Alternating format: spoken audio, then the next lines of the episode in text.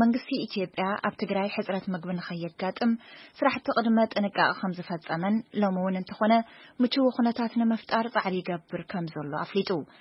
ሚኒስትር ሰላም ወይዘሮ ሙፈሪያት ከሚል እውን ናብ ትግራይ ብነፈርቲ ብፅርግያን ሓገዝ ክልእኹ ንዝደልዩ ኣካላት እቶም መስመራት ክፉት ከም ዝኾኑ ግን ከይተፈተሹ ከም ዘይሓልፉ ገሊፀን ይብል ወኪልና ኣዲስ ቸኮል። ብኻልእ ወገን ዶክተር ደብረጼን ገብረሚካኤል ትማሊ ኣብ ዝሃብዎ መግለጺ ብሓደ ገጽ ረድኤት ንኽባጻሕ ተኹሲ ደው ኣቢልና ሰራዊት ካብ ትግራይ ኣውጺእና እናበሉ ካብን ናብን ትግራይ ይግበር ንዝነበረ ናይ ኣየርን ምድርን መጓዓዝያ ብምዕጻው ሓገዝ ይኾን ካልኦት ኣገልግሎታት ኣቋሪጾሞ ምባሎም ዝዝከር እዩ። በትረ ስልጣን ዝርዝሩ ከቕርቦ እዩ። መንግስቲ ኢትዮጵያ ባዕላዊ ምቁራፅ ተፃብኦ ንክትግበር ወሲኑ ካብ ትግራይ ንክወፅእ ዝተገብረ መበገሲኡ ህዝቢ ንኣገዳሲ ሰብኣዊ ኣገልግሎት ንክረክብ ስለዝተደለየ እዩ ኢለን ሚኒስትር ሰላም ኢትዮጵያ ንቪኦኤ ኣብ ዝሃበኦ ቃለ ምልልስ። ስንወጣ ማለት ነው ከመቀሌ ለጊዜው ስንወጣ ወደ 384000 ዘላቂ ንግዚኡ ካብ መቐለ ክንወጽእ ከለና ልዕሊ ሰለስተ ሚእትን ሰማንያን ሽሕ ኩንታል እኽሊ ኸዚንና ኢና ወፂና። ህዝቢ ከይፅገም ኣገልግሎት ንኽረክብ ምስ መንግስቲ ተሓባቢሮም ዝሰርሑ ዳርጋ ሓሙሽተ ዓለም ለኸ ትካላት ኣለው። ስራሕቶም ንኸፈፅሙ ዘኽእል ዓቕሚ ፈጢርና ኢና ወፂና። ከም ኣገላልፃ እተን ሚኒስትር ብግዝያዊነት ሰራዊት ፌዴራል ካብ ትግራይ ክወፅእ ከሎ ሰለስተ ሚእትን ሰማንያን ኣርባዕተን ሽሕ ኩንታል እኽሊ ንትካላት ረድኤት ገዲፉሎም እዩ ወፂኡ ይብላ። ካብዚ ዝሰገረ ኢለን ንሰን ንእዋን ክረምቲ ስራሕቲ ሕርሻ ዝውዕሉ እታወታት ናይ ምስራሕ መደብ ከምዝተፈፀመ እውን ጠቒሰን። ይኹን እምበር ፃዕርታት ምቅርራብ እታወታት ብህወሓት ዕንቅፋት የጋጥሞ ነይሩ ይብላ። ከሃያ በላይ የሚሆኑ ወረዳዎችም ላይ ስርጭት ኣካሂደናል። ኣብ ልዕሊ ዕስራ ወረዳታት ዓዲልና ኢና። ኣብቶም ዝተረፉ ወረዳታት ግን ናይ ህወሓት ናይ ምትዕንቓፍ ስራሕ ተጠናኺሩ ስለዝቐፀለ እትዋትን ረድኤትን ዘብፅሕ ኣካል ዝቕተለሉን፣ ዝቕጽዓሉን ዕድል ስለ ዝተፈጥረ፣ እዚ ጥራሕ ኣይኮነን፣ ሓይሊ ጸጥታ ግዳይ ጥቕዓት ስለ ዝኾነ፣ እቲ ኣተሓሳስባ ሰብኣዊ ረድኤት ክሳለጥ ምግባር ዝብል እዩ ነይሩ። ብመሰረት መንግስታዊ ሚድያታት ኢትዮጵያ ትማሊ ዝፈነዉ ሓበሬታ፣ መንግስቲ ኢትዮጵያ ድልየት ዘለዎም ኣካላት ኣብ ክልል ትግራይ ሰብኣዊ ድጋፍ ንክልግሱ ፍቓድ ከም ዝሃቦም ብወግዒ ገሊፀን እየን። ወይዘሮ ሙፋሪያት ከምል፣ እዚ ኣሰራርሓ ዝፍፀም ምስ ኣገዳሲ ቅድመ ፍተሻ ምስ ዝፍፀም እዩ ኢለን እየን።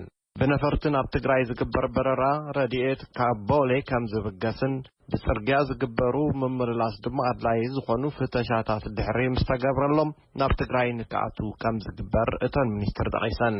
መንግስቲ ኢትዮጵያ መንገዲ ናይ ምዕፃው ድልየት የብሉን ዝበላ እተን ሚኒስትር፣ ይኹን እምበር ስራሕቲ ምብፃሕ ረድኤት ንድሕንነት ሃገር ስግኣት እንተኾይኑ ጉልባብ ንከይኾን ጥንቃቐ ክግበር እዩ ኢለን። ኣብ ትግራይ ኣብዚ እዋን እዚ ዘሎ ኣተዓዳድላ ረድኤት እንታይ ክኾን እዩ ንዝብል ዝቐረበለን ሕቶ፣ ኣብቲ ክልል ብዘሎ ሓይሊ እዩ ዝውሰን ከም ዝበላ ሪፖርተርና ኣዲስ ቸኮል ዝለኣኾ ዜና ሓቢሩ። እዚ ከምዚ ኢሉ ከሎ ትማሊ ኣብ ቴሌቪዥን ትግራይ መግለፂ ዝሃቡ ናይቲ ክልል ፕረዚደንት ዶክተር ደብረፅዮን ገብረሚካኤል፣ ወረርቲ ዝበልዎም ሓይልታት ንህዝቢ ትግራይ ንምፅናት ጥይት፣ ጥሜት፣ ፆታዊ ገበንን ንብረት ምብራስን ዝብሉ ናይ ጥፍኣት ፓኬጃት ሓንፂፆም ኣብ ልዕሊ ህዝቢ ትግራይ ዘየቋርፅ ጥፍኣት የካይዱ ኣለዉ። ስለዝኾነ ማሕበረሰብ ዓለም እቶም ወረርቲ ኣብ ልዕሊ ህዝቢ ትግራይ ይፍፅምዎ ኣለዉ ንዝበልዎ ዘርኢ ናይ ምፅናት ገበን ተገንዚብኩም ክውሰድ ዘለዎ ስጉምቲ ብንፁር መርገፂ ሒዝኩም ኢኹም ህዝቢ ረድኤት ንክበፅሖ ዝከኣለኩም ገይርኩም። መንግስትን ህዝብን ትግራይ ድማ የመስግነኩም ኢሎም እዮም። እንተኾነ ሓደ ነገር ክፍለጥ ኣለዎ ይብሉ። ንክትፈልጦ ዝግባእ ጉዳይ ኣሎ። እዞም ፋሽስታውያን ወረርቲ ብፍላይ ብናይ በረኻ ሕጊ ዝምራሕ ሰራዊት ውልቀ መላኺ መንግስቲ ኢሳያስ ኣፈወርቂ ሎሚ ኮነ ጽባሕ ካብ መናውራ ሓሊፉ መሊኡ ካብ ትግራይ ብወለንትኡ ኣይወጽእን። ካብዚ ብተወሳኺ ዝርካቡ ዝኣትወ ረድኤት ናብ ህዝብና ኣይበጽሕን ዘሎ። ሕሉፍ ሓሊፎም ወረርቲ ሓይልታት ተጠቃሚ ዝኾኑሉ ኩነታት ይረኣ ኣሎ።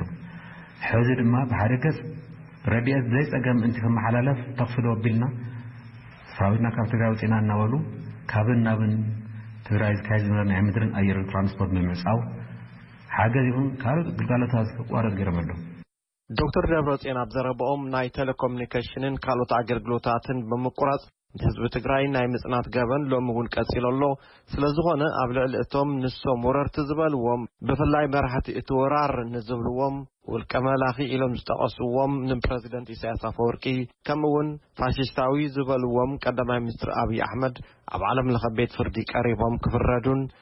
ዝተፈናቐለ ህዝቢ ትግራይ ህፁፅ ረድኤት ንክበፅሖ ድጋፍ ንክገብርሉ ህዝብን መንግስትን ትግራይ ፃውዒት የቕርቡ ኣለው ኢሎም። ዶክተር ደብረፅዮን ብዛዕባ ዘመሓላልፍዎ መልእኽቲ ካብ ኣዲስ ኣበባን ኣስመራን ብቐጥታ ዝተዋህቡ ግብረ መልስታት ዛጊድ ኣይተሰምዑን፣ እንተኾነ ሰበ ስልጣን ኤርትራ ቅድሚ ሎሚ ብመሰረት ዝሃብዎ ርኢቶ መንግስቲ ይኹን ሰራዊት ኤርትራ ረድኤት ናብ ህዝቢ ንከይባፃሕ ዓንቂፎም ኣይፈልጡን፣ ጉድኣት እውን ኣውሪዶም ኣይፈልጡን ከምዝበሉ ዝዝከር እዩ።